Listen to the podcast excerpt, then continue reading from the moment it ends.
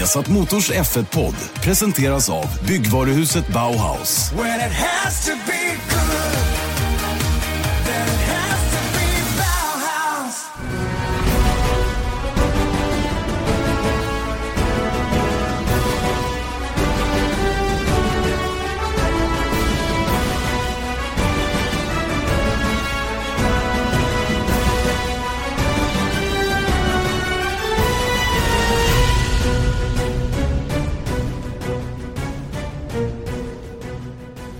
Otroligt varmt välkomna ska ni vara till F1-podden den här veckans upplaga. Vi har satt Motors F1-podd med Janne Blomqvist och Erik Stenborg. Varmt är det för att det är varmt där jag sitter. Det är kanske inte lika varmt där du är Erik.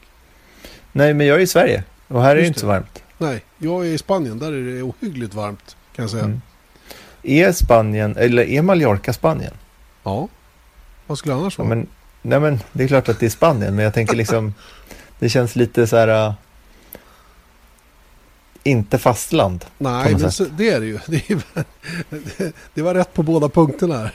Ja, Det exakt. är, det är ju faktiskt inte fastlandet heller utan det är ju en ö. Men, men ja, jag upplever att det är Spanien när man är här. Det är inga, inga, inga konstigheter i det avseendet. Det är som att vara på Solkusten eller på Costa Blanca eller vad man nu är. Det, är- det är exakt samma sak. Du, jag tycker vi går vidare från det här väldigt kvickt nu så att folk glömmer bort exakt. dina inledande kommentarer. Vi struntar i det helt enkelt. Och eh, hälsar er välkomna till den här podden. Och Erik Stenborg och Janne Blomqvist med Viasat Motors F1-podd. Som naturligtvis eh, plockar upp det som hände i England senast allra först då. Eh, Storbritanniens Grand Prix som eh, jag upplevde blev ganska...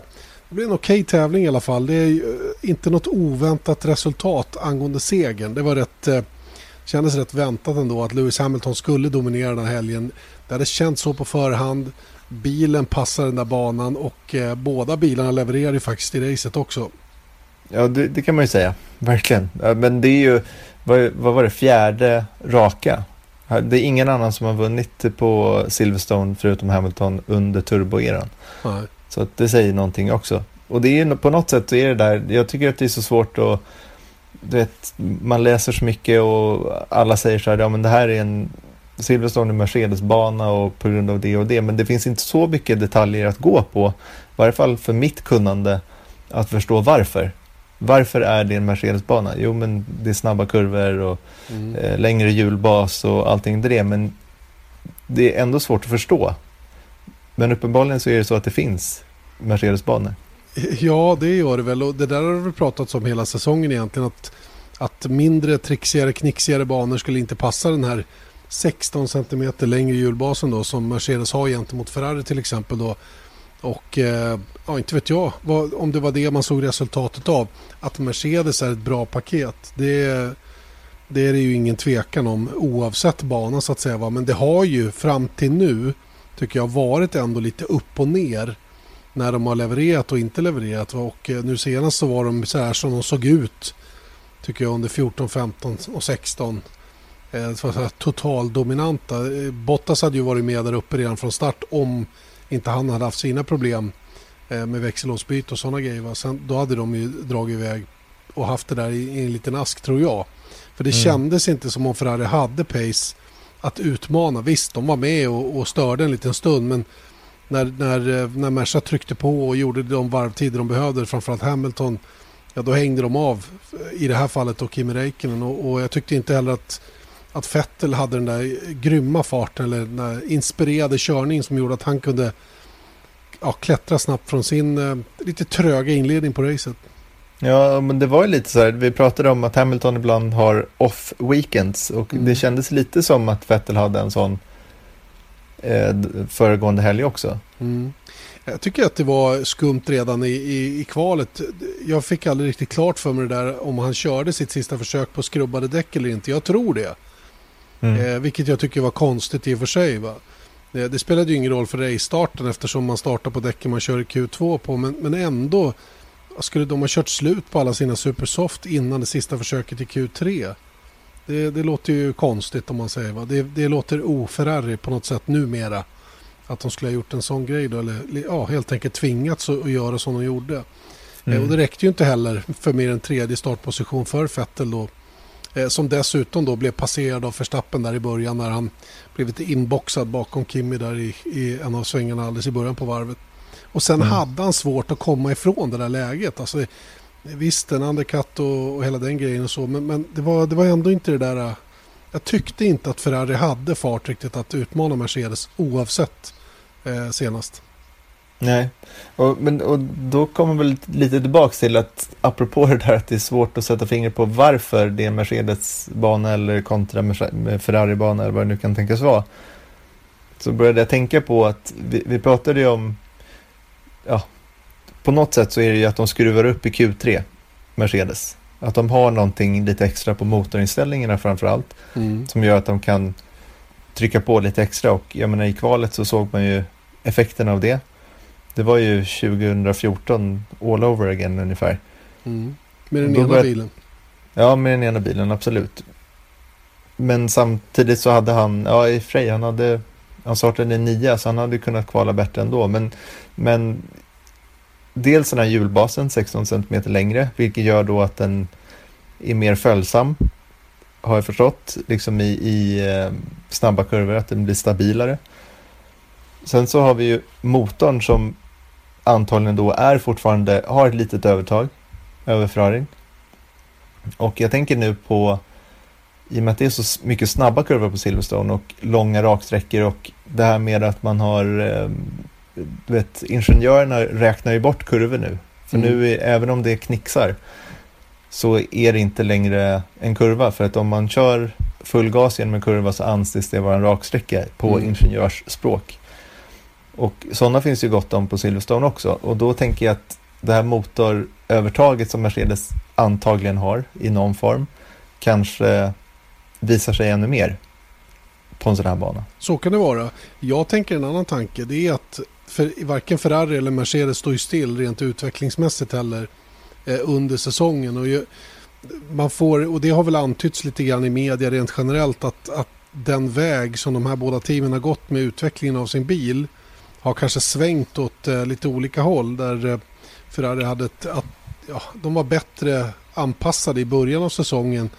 Hanterade däcken på ett bättre sätt och så vidare. Och det här störde Mercedes som, som blev tvungna att göra någonting åt saken. Och det, det kanske är det också som man ser resultatet av en sån här helg. Det, det vet vi egentligen inte förrän vi kommer till Budapest. Om det skulle bli samma resultat i Budapest då tycker jag man kan då kan man utesluta hjulbassurret så att säga, även om det säkert har lite betydelse. Då är det nog mer att Mercedes har adresserat sina problem de hade i början på året och fått ordning på det genom nya delar som har kommit på bilen. Vi vet ju aldrig i detalj allt som kommer på. Och eh, det är ju, vi däremot så vet vi att när Mercedes sätter igång och uppdaterar då gör, de inte, då gör de det på bred front. Mm. Tar de fram en ny framvinge då tar de fram fem versioner av den och, och testar back to back och ser vilket som funkar. Och vi ser ju ibland om fredag sådär att det inte är hundra, men i fredags då var det liksom direkt när de rullade ur bilen ur garaget så var de bara boom på pacen mm. direkt. Och, och, om det betyder att de har bättre data från just Silverstone eller vad det kan vara eller om det är just att man träffat rätt med den senaste tidens uppdateringar då i förhållande till Ferrari som, som kanske inte har blivit sämre. Det tror jag inte. Nej. Jag tror inte Nej. de har blivit sämre utan det är Merca som har blivit bättre. Vilket gör mm. att Merce eller Ferrari nu måste också verkligen ta sig i kragen och hitta de grejerna som gör bilen ännu snabbare. För det är det mm. som saknas. Det är inte att bilen har gått bakåt utan det är Merca som har gått framåt. Ja, men det är sagt väldigt mycket om att nu har liksom Mercedes tagit över, eh, övertaget i det här utvecklingskriget. Men samtidigt så, apropå att det är en Mercedes-bana. Mm. Jag menar, vi har ju sett eh, andra banor nyligen som, som Ferrari var starka på. De var inte totalt, totalt överlägsna. Men, och det var ju Mercedes nu på Silverstone, det måste man ju säga. För det var ju nästan oroande snabba det var ju liksom om man kollar på racet, han bara drog iväg ju. Ja, alltså han pejsade sig i början och Kimi kunde hålla sina 3-4 sekunder. Men så fort att Hamilton ville ha 10 sekunders lucka så fick han ju det. Ja. Och, och Kimi sa ju det efteråt också att jag, jag kunde inte pejsa mig på samma sätt som, som Hamilton. Och då, då går snöret till slut. Då. Mm. Ja men exakt, men då... Jag menar, det här övertaget, så om Mercedes har ett övertag nu så undrar jag att det kommer åtminstone inte vara lika stort på, i Budapest. Nej. Tror jag. He helt andra väderförhållanden till att börja med. Eh, kommer mm. att vara betydligt, betydligt varmare igen, vilket har varit lite grann en sån här grej som Merca var oroliga för. Eh, och det kan ha att göra med det kan fortfarande ha att göra med däcken och, och det här med värmning av däck. Hur mycket man använder bromsarna för att värma däck och hur saker och ting går varmt istället och vad man nu behöver göra för att öppna upp eh, karosseriet för att klara kylning. Och det var ju sånt var det ju inga problem överhuvudtaget på, på, på Silverstone. Det var inte alls de temperaturerna. Plus Nej. att vi i Budapest också har banlayouten då som är helt annorlunda. Mycket, mycket långsammare bana som ställer helt andra krav på bilarna. Ja, sen så kan man ju titta på Ferraris vänsterframdäck också.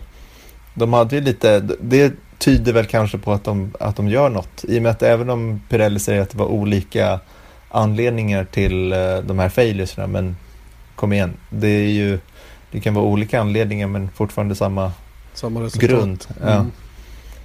För att jag menar att två, alltså det här var ju inom ett varv. Ja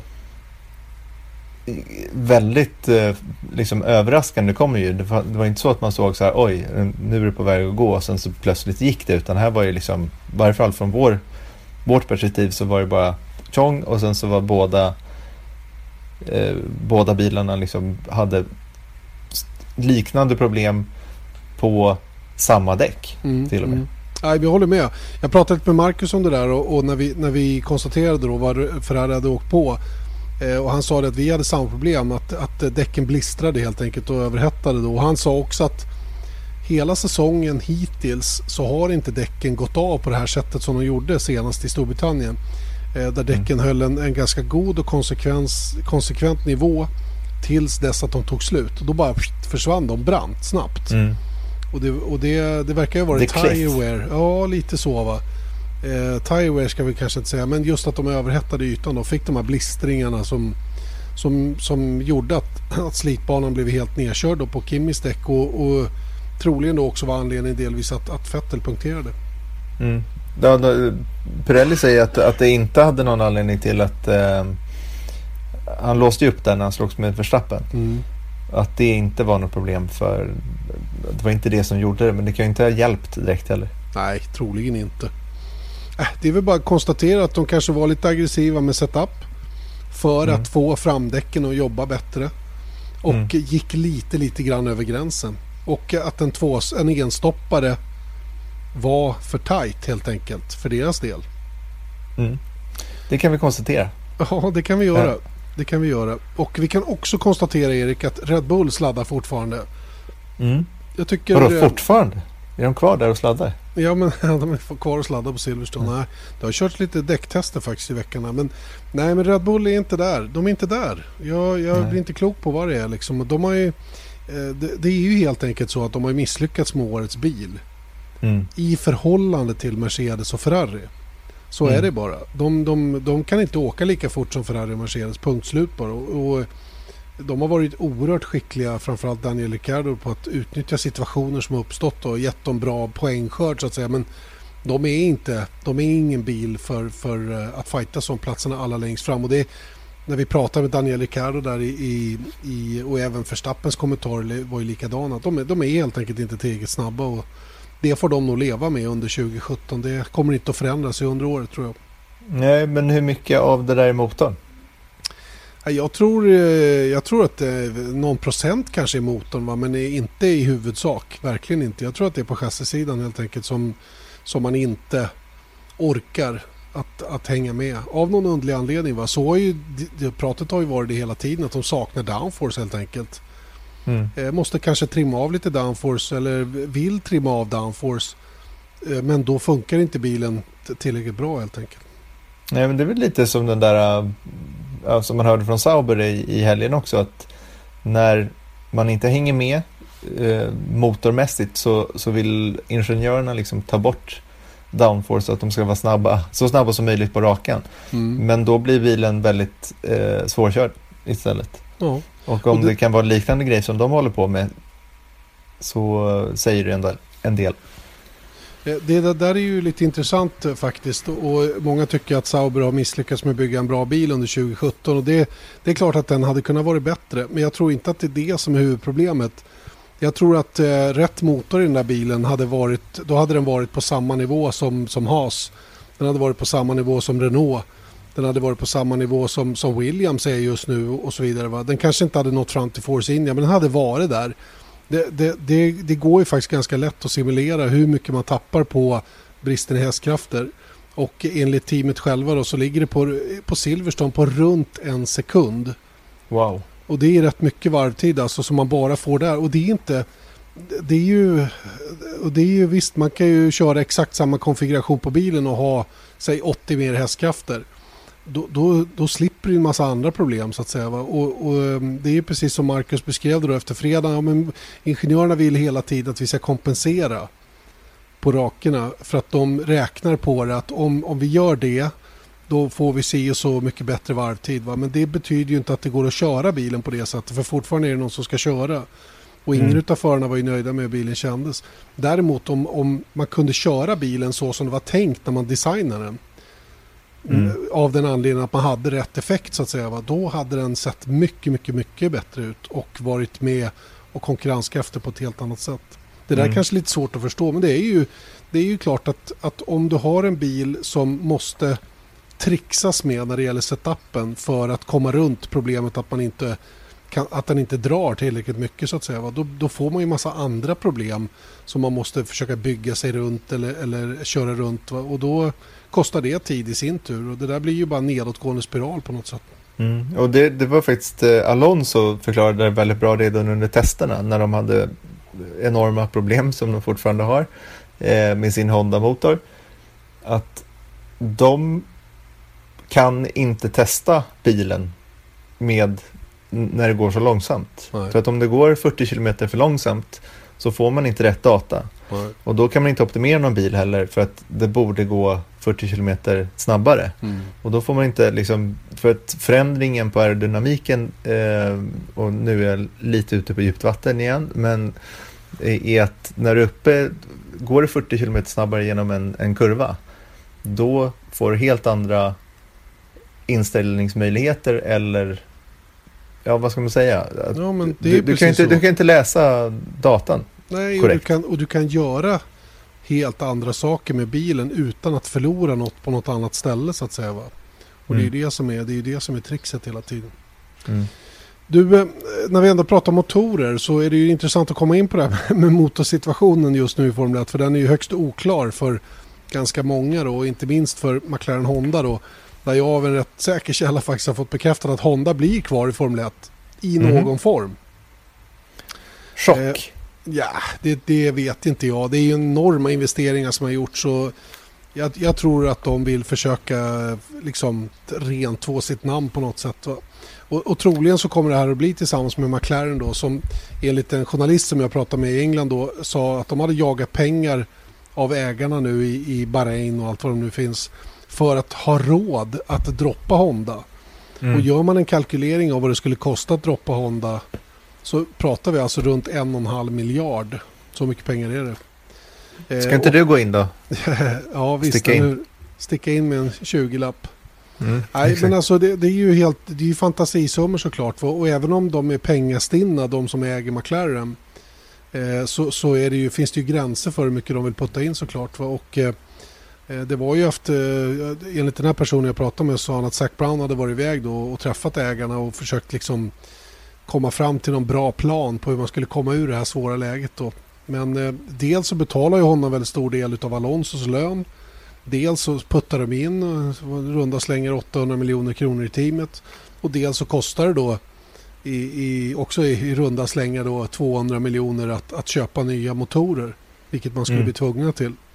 Och, och, och det man har förstått också här är ju, som jag tycker är väldigt intressant, är att de har väldigt svårt att bryta kontraktet rent kontraktsmässigt, alltså mm. McLaren med Honda. Mm. Så det de har försökt göra på något vis är att få Honda att droppa eh, McLaren. McLaren. Mm. Eller dra sig ur F1 eller vad det, det Om ni tänker på det så vände ju hela det där i, i Österrike. Då kom de ut och var väldigt enade och överens. Och jag tycker det här fortsatte delvis också i, på Silverstone när Jonathan Neal heter han va, som är, som är en av mm. de ledande i teamet där, satt på presskonferensen och sa att det är, de är helt införstådda med att jobba vidare med Honda och försöka lösa problemen som man har och så vidare. Och det här beror ju förmodligen på att dels att de inte har råd att göra något annat, va? Men, men, men alltså själva raceteamet då pratar jag om.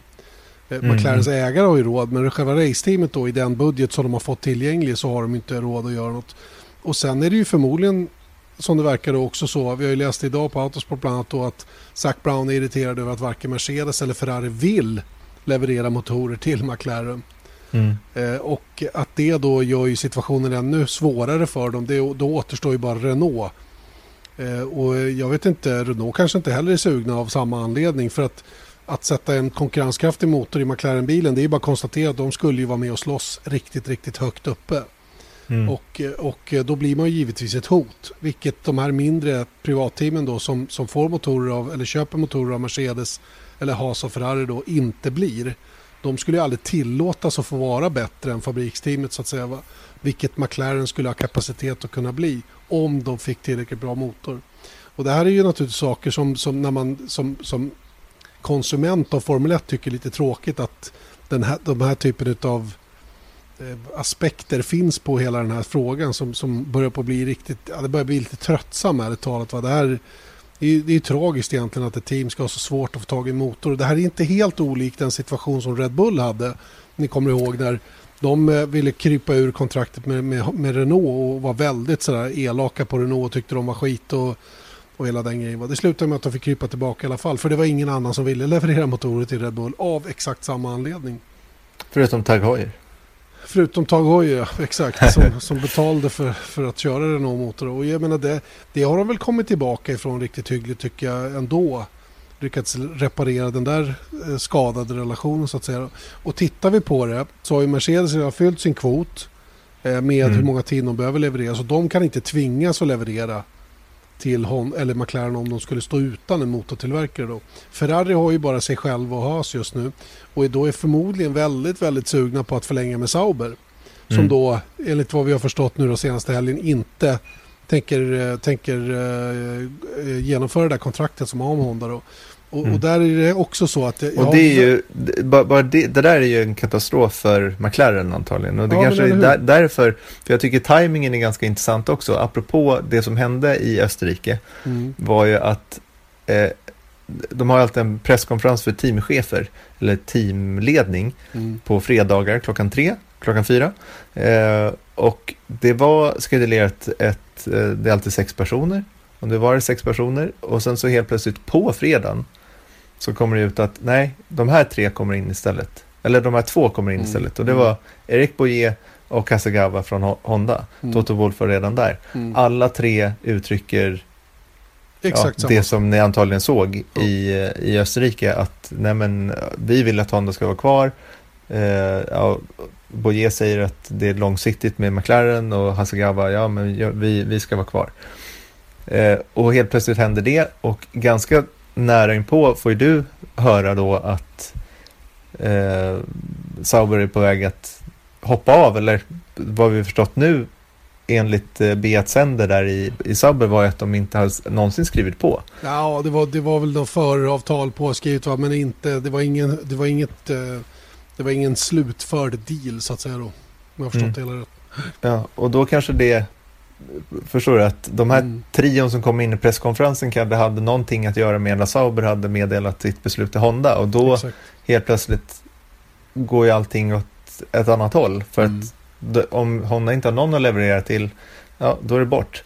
Mm. Och de här problematiken som du beskrev då med motorkvoterna från de andra blev ju komplicerat helt plötsligt. Mycket komplicerat och dessutom finns det ytterligare en faktor där som gör det lite knöligt för McLaren Honda eller McLaren Honda-samarbetet. Det är ju att ingen i Formel 1 vill att Honda ska hoppa av. Absolut ingen vill det utav de som inte har några intressen i hela den där historien. Och det gör ju Nej. att det, det, liksom, det jobbas inte för McLaren i det avseendet. Utan jag, jag måste säga att eh, min slutsats av det här det är nog att McLaren och Honda måste fortsätta jobba tillsammans eh, på, på, samma sätt som man gör. Och vilket eh, naturligtvis är tråkigt för dem men som vi har sagt hela tiden förr eller senare kommer Honda lösa det här tror jag bara de jobbar på.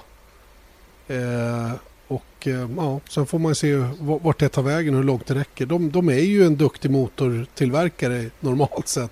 Mm. Men eh, just det här hybridgrejen har man eh, kanske inte riktigt varit... Eh, du behöver inte ens säga kanske där. Nej, det är ganska tydligt ja. Mm. Men förutsatt att eh, Marcus Eriksson är kvar i Sauber nästa år så är jag Mm. fortfarande ganska glad över att vi inte behöver ha den liksom, frågan Sauber i bakhuvudet hela tiden. Så kommer Honda lösa det till 2018?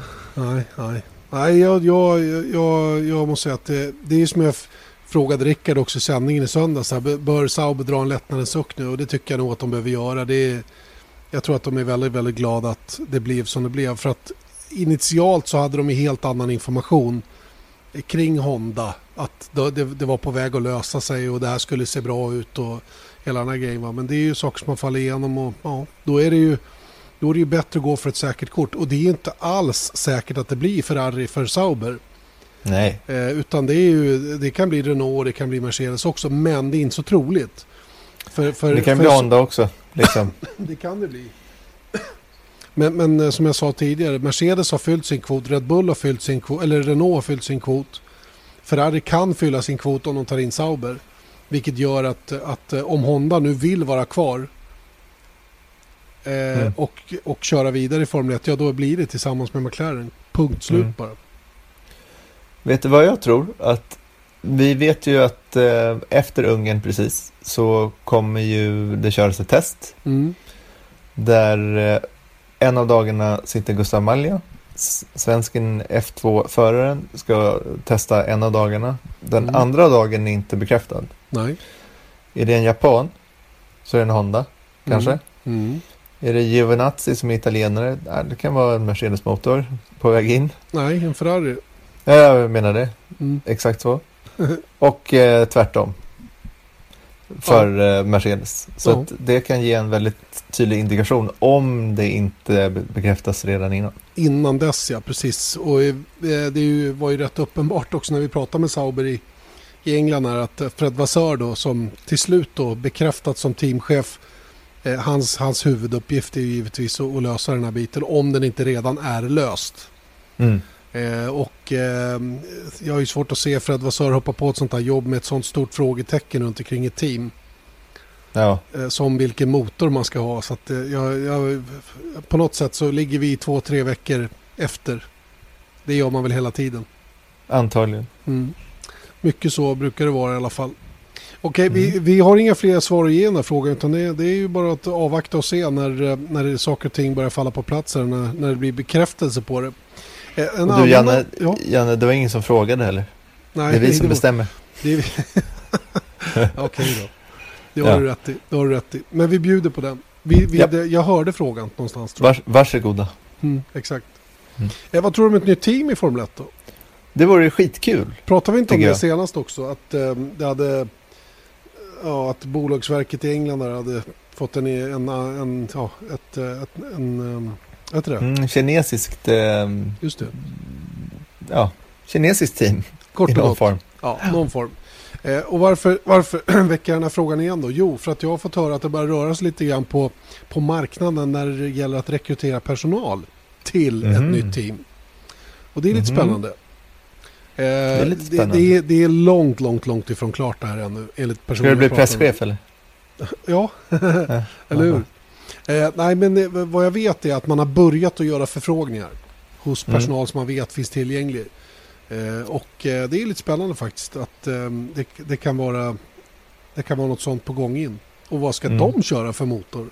Kan man undra. Ja, exakt. vad, vad ska de köra för chassi? Exakt. Vad, ska, vad, vad, vad, heter teamet? Om jag har förstått det hela rätt så ska det vara en, eh, ett, ett eh, liknande koncept som, som Haas gör. Mm. Nämligen att man köper i mesta möjliga mån det man kan ifrån ett befintligt team och sen så eh, designar man en bil runt omkring det då.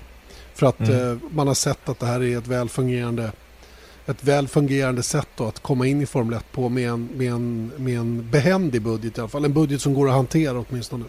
Mm. Ja, men då börjar man ju direkt tänka, alltså, det här är ju så långt ifrån att det ens finns, men vi har pratat om, jag tror det var förra året vi pratade lite om att det var ju när Sauber hade som svårast med sin ekonomi, att det var frågan var om de skulle bli uppköpta av ett annat team för att bli ett juniorteam så att säga. Och då började vi tänka på att det kanske kunde vara McLaren, för Mm. de har inget eh, juniorteam trots att de inte är en bilfabrikant på det sättet. Men Men att de behövde någon att skola in folk i helt Mm. enkelt. Och eh, att Honda kanske behövde en, en eh, ja, ett annat team att leverera till. Och om det, det satt samman med McLaren och allt vad det var. Mm. Så um, kan det vara så. Men då undrar man liksom vem är det som ligger bakom? Vem ska sälja grejer? Mm. Det är ju så att just kinesiska marknaden är ju oerhört viktig för Liberty. Mm. Eh, Det är ju, det är, de vet ju att det där, där finns det stora pengar att tjäna och man kan få ett ännu större fotfäste än bara ett Grand Prix. Eh, och att få in ett kinesiskt team där. Eh, hade vi inte ett i, eh, i Polymage för timmar? Jackie Chan hade väl ett eget team där. Ja, just det. Det var coolt. Eh, det är väl inte riktigt på samma nivå. Fast han är. Hongkong. Han är från Ja, Hongkong. jag. Hongkong. Okej. Fast Hongkong är ju Kina numera. Så att, Ja, jo men. okej då. Ja, alltså jag går Hårklyveri. geografi ikväll. Hår, så jag vet inte. hårklyveri. Ja. Nåväl, Mallorca ligger inte i Spanien heller tydligen. Exakt, exakt, exakt. Ja. Eh, oavsett vad så tror jag att det där, eh, jag tror att eh, det, det finns nog rätt mycket substans i det här ryktet. Sen om det blir till 2018 eller till 2019 eller 2020, det återstår väl att se. Va? Men eh, visst vore det spännande om vi kunde få ett nytt team i Formel 1. Det behövs. Mm, verkligen. Men 2018. I, å, å, å andra sidan, i och med att jag vet vem, vem som hade frågat. Eller vem som hade fått den här frågan. Eh, så är det ju. Då känns det väldigt nära förestående med tanke på den personens roll. Kanske. Mm. Men, men eh, de har, ursäkta språket, jäkla bråttom till 2018 om de ska få upp oj, absolut. Absolut, och jag menar merparten av designen på nästa års bil är ju redan klar för de allra flesta. Va? Men det här är ju alltid samma story när, när någon ny ska komma in. De börjar lite försiktigt och, och så. Va? Eh, De kanske till och med gör så som Haas gjorde, nämligen tar ett år, jobbar i vindtunnel och, och plockar ihop Mm. bitarna på rätt sätt och utan att tävla. Då. Och sen Mm. så kommer man till det första säsongen väl förberedd istället. Vilket Mm. Haas verkligen, verkligen gjorde. De överraskade mig på alla plan eh, sitt första år va? och eh, har ju byggt vidare på det i år måste man ändå säga. Det här är en intressant fråga. Apropå, Haas gjorde ju inte det, men skulle man, om man startar ett team idag med fokus att vara till start 2019, Mm. skulle man kunna spendera hela 2018 med att testa? Ja, det får du ju göra. För du är inte med i VM. Nej, du är inte med i VM. Du är utanför de regler som finns och det är klart att du får förbereda dig om du har råd med det. Ja, Men som Toyota gjorde på sin tid. Mm. Mm. Ja, De höll ju på i BMW varenda dag. Ja. Att, Men jag eh, undrar, varför gjorde inte Haas det alls? Ja men det gjorde de väl till viss del utan att man visste om det. Men framförallt så jobbar de ju med, med andra tillgängliga medel långt över vad som är tillåtet. Nämligen jobb i vindtunnel och alla de här bitarna. För det är ju också starkt begränsat. Mm. Sen är ju eh, bantid och köra en bil och hela den grejen. Det kanske är svårt att, att göra på det sättet som man gjorde för 20 år sedan. Men, men eh, det finns ju andra sätt som man kan förbereda sig på. Mm. Och det, är väl, det har man väl fått bekräftat nu att, att eh, de allra flesta ingenjörer som designar bilar litar oerhört mycket på de värden man får i vindtunnel och CFD. Eh, Och man behöver helt enkelt inte köra på banan för att veta om det funkar eller inte. Mm. Det var ju för ganska kul. CFD be- betyder ju com- Fusional Fluid Dynamics. Eh, Exakt. Men i Manor, eller vad, vad hette de när de kom in? Virgin. Det var ju den första bilen då som skulle bara tas fram genom CFD. Just det. Och det kallades i Virgin internt då för Can't Find Downforce Just det. istället. Det var ganska kul. Det var andra fulare ord också som man använde. Ja, jag, jag valde, valde bort det ordet. Fucking disaster till exempel. Ja, complete fucking disaster. Ja, det var lite kul. Ja. Nåja, så är det med den saken. Eh, leder oss in lite grann på förarmarknaden faktiskt. För att eh, nu är väl silly season ändå igång. Eh, och eh, på förhand så sa man ju att 2018 blir ett nyckelår för det är många stora kontrakt som går ut. Men de enda kontrakt i större team som går ut är ju faktiskt Vettels och Kimi Räikkönens. Mm. Eh, de tar slut efter 2017 och om jag har Och förstått det hela och Bottas. Mm. Om jag har förstått det hela rätt, om vi tar dem i rätt ordning här nu då, så, så tror jag att Vettel stannar. Jag har till och med hört att han skulle redan ha skrivit på ett kontrakt som gäller fram till 2021. Det är inte bekräftat än och ingenting som vi har hört någonting om. Frågetecknet är ju Kimi Räikkönen. Vad kommer han att göra och får han förlängt? Eh, är Mm. han tillräckligt, kör han till, på tillräckligt hög nivå för att Ferrari vill behålla honom. Sergio Marchione där, han, eh, han var väl lite sådär i Österrike tycker jag. Han var ganska burdus och tyckte att, eh, att Kimi var lite laid back, lite för laid back och kanske behöver lägga manken till lite mer. Va? Och Kimi svarade med att ja men vadå, jag kör ju så fort jag kan och hela den grejen. Och Mm. jag skulle aldrig vara i Formel 1 som han sa till oss senast heller att, att, eh, och köra om inte, jag, om inte jag visste att jag hade speeden och, och möjligheter att vinna VM. Mm. Men, men eh, vad, vad, vad Ferrari gör och vad alternativet är, det vet inte jag just nu. Jag tror Ferrari vill ha en, en stabil poängplockare, en som inte utmanar Sebastian Vettel. Och i det avseendet kan Kimi Räikkönen vara bra. Mm. Då kan han vara bra att fortsätta med. Och jag läste någonting idag om att, ja, att Vettel då skulle ha det som en, eh, inte en klausul, men ett, önskemål att om man skriver på för Ferrari så ska han ha Ska Kimi Kimi med? med sig. Ja. Jo, men han känner För- sig trygg med det. Såklart. Istället för att få en kanske stekhet Sergio Perez som, som kör skjortan av Esteban och Con i år och är duktigt, duktigt snabb hela tiden och, och riktigt, eh, riktigt på G. Och på något Mm. sätt har förtjänat en chans i ett större team också. Även om han har varit till. en sväng. Ja. Han har ju varit en sväng i McLaren men det var ju ett, ett, det var ett riktigt, riktigt dåligt år för det teamet. Va? Men, eller eller eh, vem, vem skulle de annars ta så att säga som de litar på att ta de här poängen som de vill ha i konstruktörs då vid sidan av den som går för titeln så att säga då som i det här fallet Mm. skulle vara Sebastian Vettel. Men, Jag tror, alltså, att, jag tror att Kimmys chanser att bli kvar faktiskt inte är så dåliga om jag ska vara ärlig nu med Nej, jag tror inte heller det. Och eh, ja, jag vet inte. Jag, på, på ett sätt så tycker jag att han... Det är kul att han är i F1, men det är lite sådär, jag vet inte. I don't know. Jag tycker att det är... Han, han är fortfarande en kul karaktär, men jag, jag, just när han inte liksom är någon... Det, det sprakar inte om honom på banan de flesta, i de flesta fallen. Nej. Så då, jag vet inte, jag tycker alltid om när speciellt toppteamen byter lite uppställningar för det, det blir liksom kul att, att se hur interna fight ska gå och allting sånt där. Så Mm. jag tycker, min önskan vore faktiskt Perez. Jag tycker att han, det vore skitkul att se honom där. Eh, han är väldigt erfaren och uppenbarligen väldigt snabb. Och eh, ja, jag vet inte, jag tycker det skulle vara superkul om han kom dit. Men jag Mm. tror också att det är lika sannolikt att, eller mer sannolikt att Kimi blir, blir, blir kvar, Mm. skulle jag säga. Ja, Verstappen skulle de säkert inte tacka nej till om Nej, man tänker men- på... på Men honom kommer ju Red Bull aldrig att släppa. Inte en chans i världen. nej. Inte, inte som det är just nu i alla fall. Och, eh, det är ju en väldigt stor tillgång som Red Bull har. Max Verstappen med sin enorma fanbase och supertalang och allt vad han nu är för någonting. va. Plus att de har Daniel Ricciardo som också har ryktats om vara den som ska ersätta Kimi fast inte förrän efter nästa säsong. Då. Mm. Till och med att han skulle vara någon form av backup-plan om Vettel väljer att gå någon annanstans. Mm. Så att, eh, ja, inte vet jag. Eh, Bottas berörde du lite grann tidigare. Va? Han kommer ju säkerligen att få förlängt. Jag kan, inte Ja, tänka, jag kan inte tänka mig något annat. Vem skulle hoppa in där istället? Bottas gör ju ett sju jävla bra jobb just nu. Mm. Han är, han är otroligt, otroligt stark. Va? Och jätte, jättekul att se i all sin lågmäldhet och, och artighet. Jag tänkte på en grej senast i racet där när de, när de babblade till honom på radion när det var ett kritiskt läge för honom. Han bara sa så här, minimum talk. Minimum talk sa han bara. Mm. Det, var, det, var ingen sån, det var inget skrikande eller någonting sånt där. Prata bara, så i, bara när ni behöver, inte mer. Mm. Det var liksom, och det, det är så Bottas för mig som det kan bli. Eh, Mm. Men grejen är att han får förmodligen bara ett år till. Eh, Med, med, eh, med massor av öppningar i kontrakten då från 2019.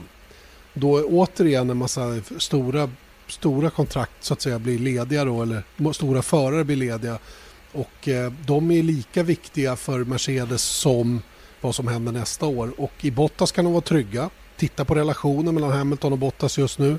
Exakt, den måste ju spela stor roll. Ja, men det det, tror jag. Det tror jag. Det, är- det är ett lugn hos Mercedes just nu som man inte har sett på ja, sen, sen Hamilton och Rosberg började köra ihop. Och det där tror jag är oerhört värdefullt för den interna dynamiken inne i teamet där. Så att jag, jag utgår ifrån att Bottas får köra kvar i Mercedes även 2018. Sen vad som händer däremot är det ju lite svårare att, att, att gissa. Eh, Samtidigt ska man ha med sig de här, jag vill bara avsluta den där grejen, att i alla de här spekulationerna så är ju Ferrari och Mercedes, det är väl de som har lättast i Formel 1 att hitta en förare. Oh. Så att jag menar, finns det någon form av öppning hos, om de vill ha någon annan så, så kan man nästan garantera att de andra vill gå dit. Men det jag tycker man ska basera det på i Bottas fall är att han gör väldigt, väldigt bra ifrån sig. Jag mm. menar, han kom från nionde plats upp på andra plats. Jag menar, det är inte fy skam. Det, det är förbaskat bra kort och gott. Ja. Men, men, i Kimmys fall, då skulle det vara av andra skäl. Och jag menar, de skulle ju kunna få, och då är väl antagligen då att det kanske skulle kunna vara Fettel som sitter mm. på tvären i så fall. Mm att han då inte vill ha ett starkare kort än vad, Kim, än vad han bedömer Kimi vara idag. För jag tror att han vet vad han har Kimi så att säga. Va? Exakt. En ny snabb teamkamrat kanske han inte riktigt har samma koll på i det avseendet. Hur mycket nu en förare som får en jäkla bra lön av Ferrari har att säga till om. Han är ju trots allt anställd. Va? Så att, ja. Eh, fortsätter vi ner eh, genom griden där så Red Bull kör ju vidare med Verstappen Ricardo kan inte se någonting annat utifrån vad vi har hört och hur de pratar om gällande kontrakt och så vidare. Va? Så det är först efter 2018 som det kan bli någon öppning där. Och det är lite intressant med Toro Rossos situation som de har då där Carlos Sainz Kviat, båda har det ju sagts att de ska vara kvar. Mm. Eh, I alla fall Kviat fick ju rätt goda besked, ja, åtminstone efter Österrike där, att han skulle bli kvar.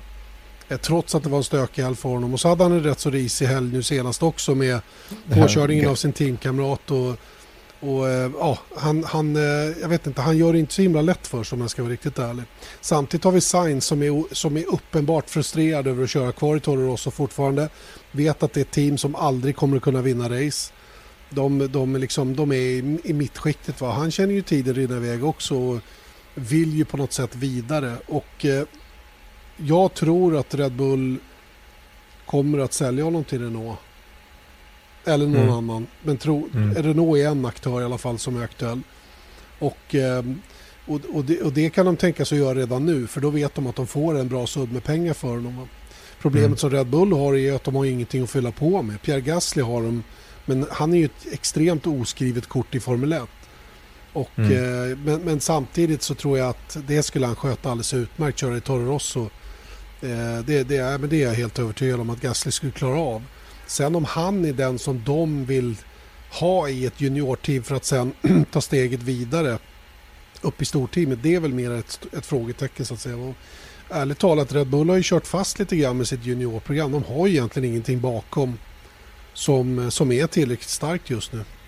Nej, och det är väl det som gör att Kviat, för att det var ju enorma rykten om att, eh, att Kviat skulle få gå.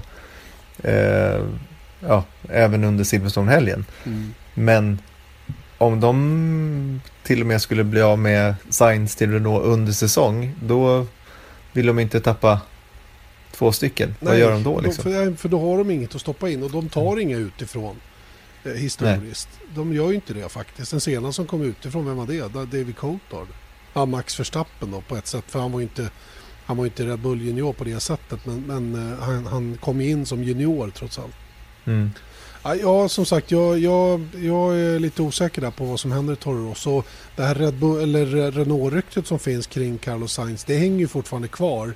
Men eh, samtidigt så gick ju Cyril Abiteboul ut och sa att han hade ju, han hade ju sagt till Julian Palmer på morgonen där, söndag morgon inför Silverstone att, att, att han satt säkert. Mm. Och det, ja, varför skulle han säga det om det inte var så? Jag vet inte. Nej, alltså för, för, här... hans eget, för hans eget eh, liksom, för hans eget förtroende kring vad han säger så att säga. Han hade ju kunnat ja. vara tyst om det. Om du förstår vad jag. Ja, och jag menar, jag tycker så här. Give Palmer a break lite grann. För att jag menar, okej, okay, Hylkenberg har, han gjorde inte minst jättebra ifrån sig i, på Silverstone. Men jag menar, Palmer fick inte ens chans att starta. Nej. Heller. Så att jag menar, han, han har gjort en hel del misstag och eh, gjort bort sig till och med vid vissa tillfällen. Men det har det nog också. Ska det, gudarna veta. Det kan man verkligen säga. Och jag menar, men inte minst senast här i Silverstone så fick han ju det här nya golvet på bilen under första passet. Till andra passet, ja då försvann det över på Hülkenbergs bil som körde resten av helgen. Och ingenting att säga om det. Renault vill ju naturligtvis sätta bästa grejerna på den förare som faktiskt presterar. Så att det är inte så mycket att säga om. Men det, det gör ju inte att Palmer får chansen att visa att han kan något heller. Och han kvalar Nej. ändå in som 11 så att han var inte helt off om man säger så. Nej. Det intressanta med Renault är ju nu att tyska Automotorsport eh, har skrivit att, eh, att Robert Kubica kommer att köra den ena dagen under försäsong, eller insäsongstesten nu i Budapest. Mm. Och det blir ju ett ännu tydligare statement då att Robert Kubica är en av några stycken som faktiskt är aktuell för den där styrningen nästa år. Och det här är Renaults chans att se om man verkligen klarar en modern Formel 1-bil också. Efter att ha kört en fem år gammal bil då de här två senaste testerna. Och då blir ju Kubica, då blir det Carlos Sainz, det kan säkert finnas någon till som de tittar på inför 2018 eh, istället för Julian Palmer. Mm. Ja, alltså. Jag vidhåller vilken eh, grej det vore. Ja, faktiskt. Jätte, jättekul. Sen är det många som är tveksamma till om det är bara spel för galleriet här eller om det är på riktigt. Men jag tror, får han köra i Budapest då är det inget spel för galleriet, verkligen inte. Utan då är det verkligen på riktigt. Och då bedömer de ju också att, eh, att Robert Kubica är så pass stark att han faktiskt klarar att köra även den här bilen. För en sån där Tesla har man inte bort bort hur som helst. Utan Nej, samtidigt då så det kan ju vara, jag menar inte att det är en marketingploj. Men däremot så det kan vara värt att testa för att jag menar han har tillräcklig erfarenhet av Formel 1 för att kunna bidra utvecklingsmässigt också. ja, du, du menar att, att, att inte göra något dåligt jobb under själva testen som test Exakt. betraktat? Nej. nej, det för de måste ju testa honom för de sätter ju inte honom i bilen utan att göra det. Nej. Alltså till 2018 så att, ja, du fattar min poäng. Jag fattar poängen. Sen eh, de övriga teamen där är det ju svårare att ha några synpunkter om. Eh, Grosjean och Magnussen, ska vi gissa att de kör vidare? Här kommer det inte hända så mycket där tror jag. Grosjean Nej. går säkert och hoppas på att Ferrari ringer om Kimi får kicken. Men Mm. eh, det tror inte jag Eller Renault. Eller Renault. Eh, den tredje gubben jag tror Renault är sugna på är Esteban Ocon.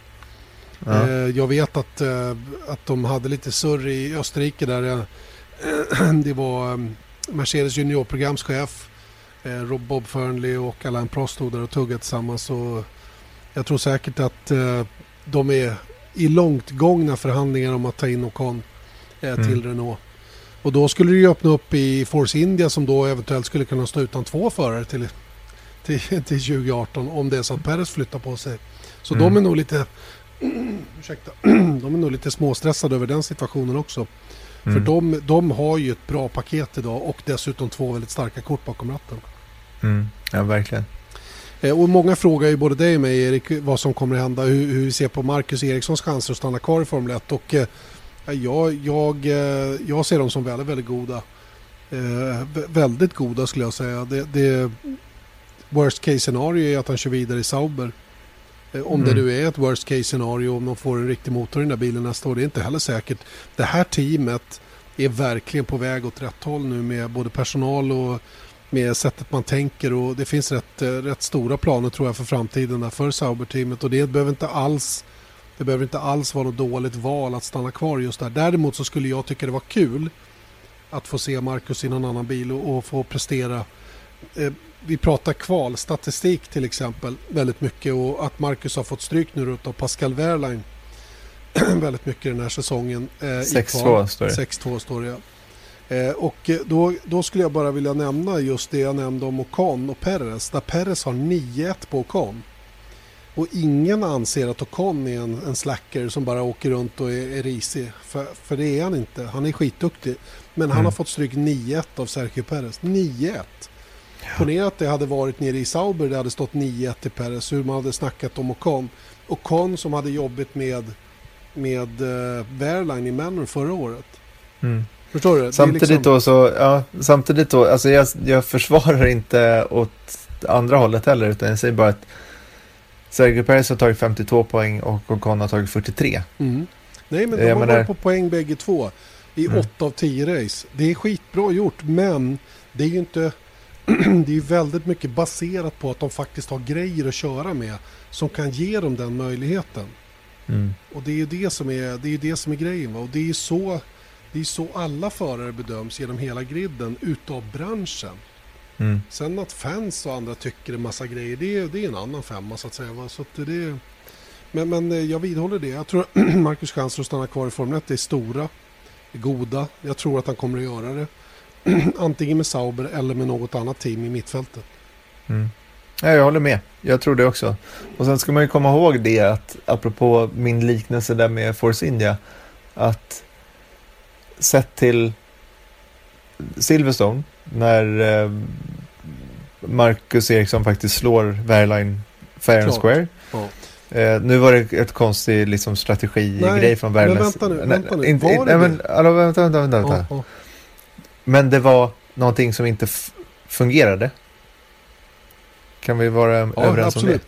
Ja, Ja. det de hade tänkt säga Ja, inte. men, nej, men Absolut. det är det jag menar. Nu var det någonting som inte fungerade i strategitänket. Jag säger inte att det var dåligt eller att det var någon annan anledning. Utan jag säger bara att här slog Marcus Eriksson Wehrlein och han kom 14 va?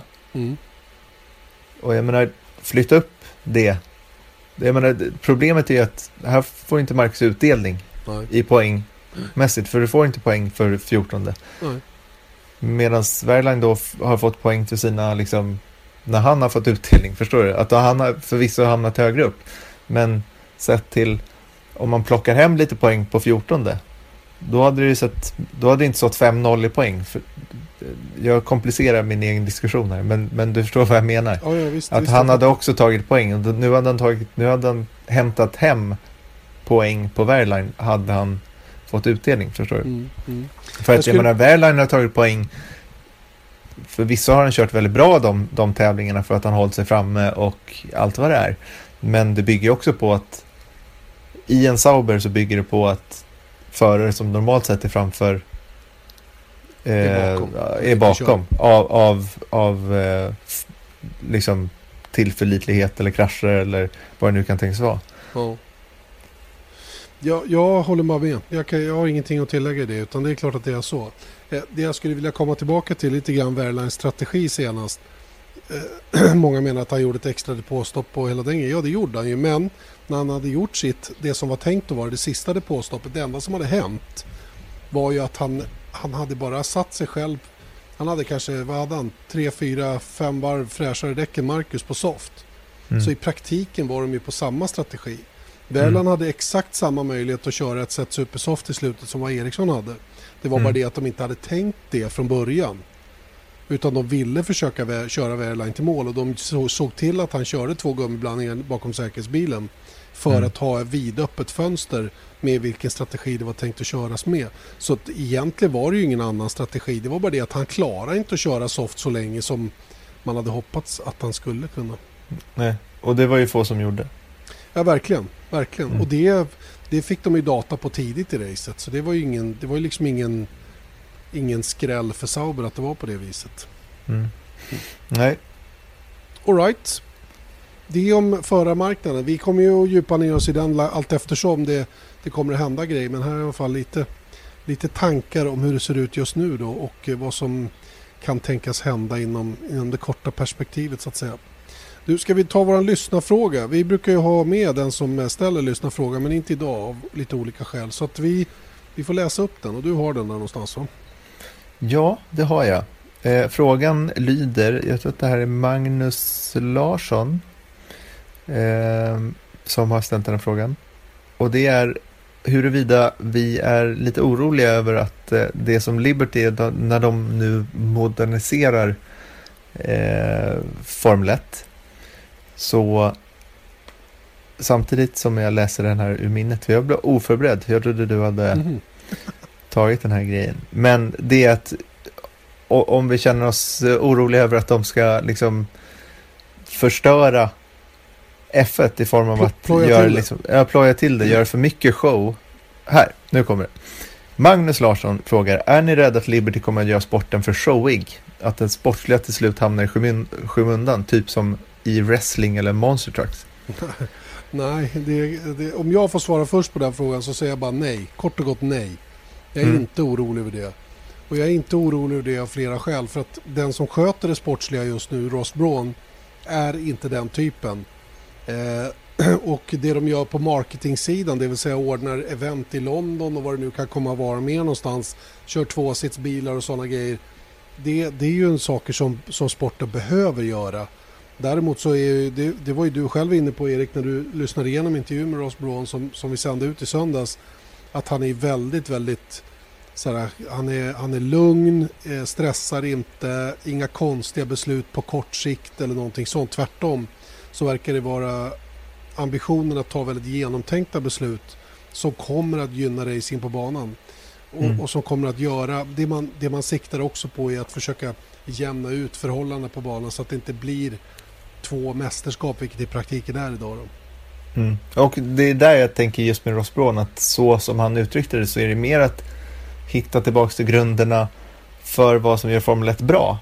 I form av, han, han är ingen fan av DRS till exempel. Det har, han varit, det har han varit väldigt tydlig med från början. Utan jag tror att det snarare är så att hitta en formula som gör att, bara som han sa i den intervjun också, att utveckla bilarna så att de ska kunna följa varandra närmare.